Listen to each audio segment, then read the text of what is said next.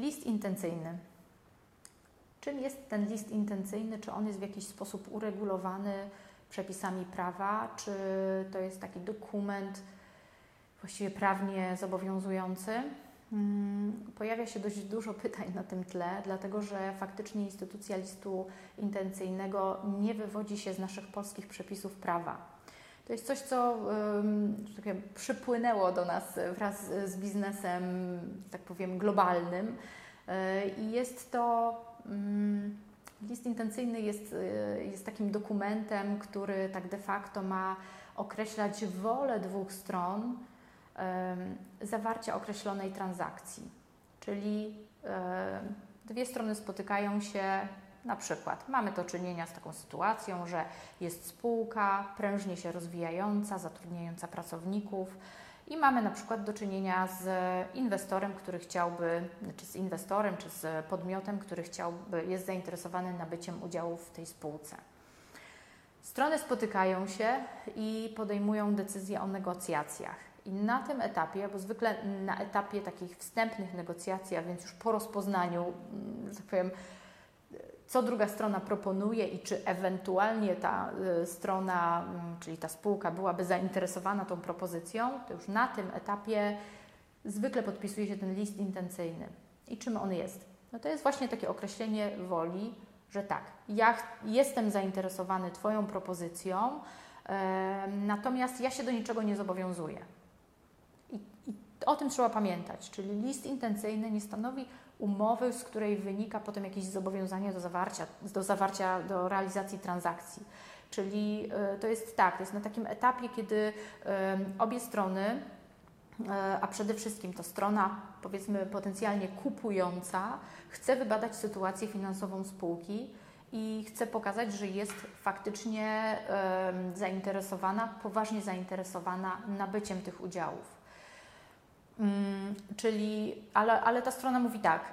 ja jestem zainteresowana pod warunkiem, że na skutek tej analizy Waszej działalności, mojego due diligence, na skutek y, analizy mm, umów, y, analizy funkcjonowania tej działalności, wyników finansowych i, i, i przepływów finansowych, y, tak, wydaje mi się, że to będzie biznes, który będę chciał, chciała nabyć. E, I nie jest to absolutnie, ten list intencyjny nie zobowiązuje do, do, do zawarcia tej transakcji, do dokonania tej transakcji. E, bardzo ważne jest też to, że w tym, albo w tym liście intencyjnym, ale na ogół w, w odrębnym dokumencie spisuje się klauzulę poufności, która jest kluczowa, dlatego że ten sprzedający w toku negocjacji, no potencjalny sprzedający, jeśli już mówimy o tego rodzaju transakcji,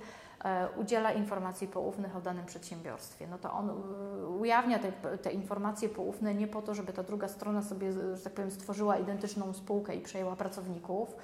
e, tylko po to, żeby mm, no, potencjalnie doprowadzić do tej transakcji, na przykład sprzedaży udziałów i żeby na tym zarobić. A więc w tej sytuacji ta, mm, obok listu intencyjnego zaleca się umowa o zachowaniu poufności, z wysokimi karami e, w przypadku, gdyby ta umowa została e, naruszona. W liście intencyjnym trzeba po pierwsze bardzo precyzyjnie określić ten zamiar stron, ten zgodny zamiar stron, czyli ja, ja jestem zainteresowany nabyciem udziałów, czasami nawet, bo spotkałam się też z takimi e, już ze wskazaniem, na przykład kwoty minimalnej nabycia, czyli nabycia udziałów, czy powiedzmy tej transakcji za cenę ustaloną jako cenę minimalną taką i taką, albo za cenę maksymalną, to y, jest zawsze tam podkreślane, że to nie jest zobowiązanie do, że tak powiem, do, do, y, do płatności tej ceny, czy do zawarcia tej transakcji, ale po spełnieniu określonych warunków, no ta strona ujawniająca też musi wiedzieć i mieć w pewnym sensie y, świadomość, za jaką kwotę o jakiej kwocie w ogóle mówimy i jaka kwota jest oferowana. No nie tylko przez telefon, tylko po prostu e, jaka jest deklaracja tej drugiej strony, która jednak otrzymuje informacje poufne. E, należy określić w tym liście intencyjnym, tak e, zalecam, planowane czynności, a więc do czego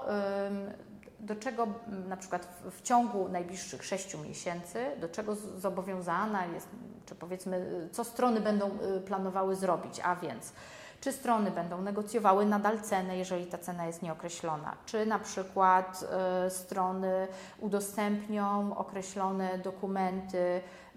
na przykład wirtualnie gdzieś tam w chmurze, czy na przykład udostępnią nie wiem, dokumenty w sali konferencyjnej y, i określone tam dane, czy nie wiem, bez, bez danych osobowych, czy bez wynagrodzeń.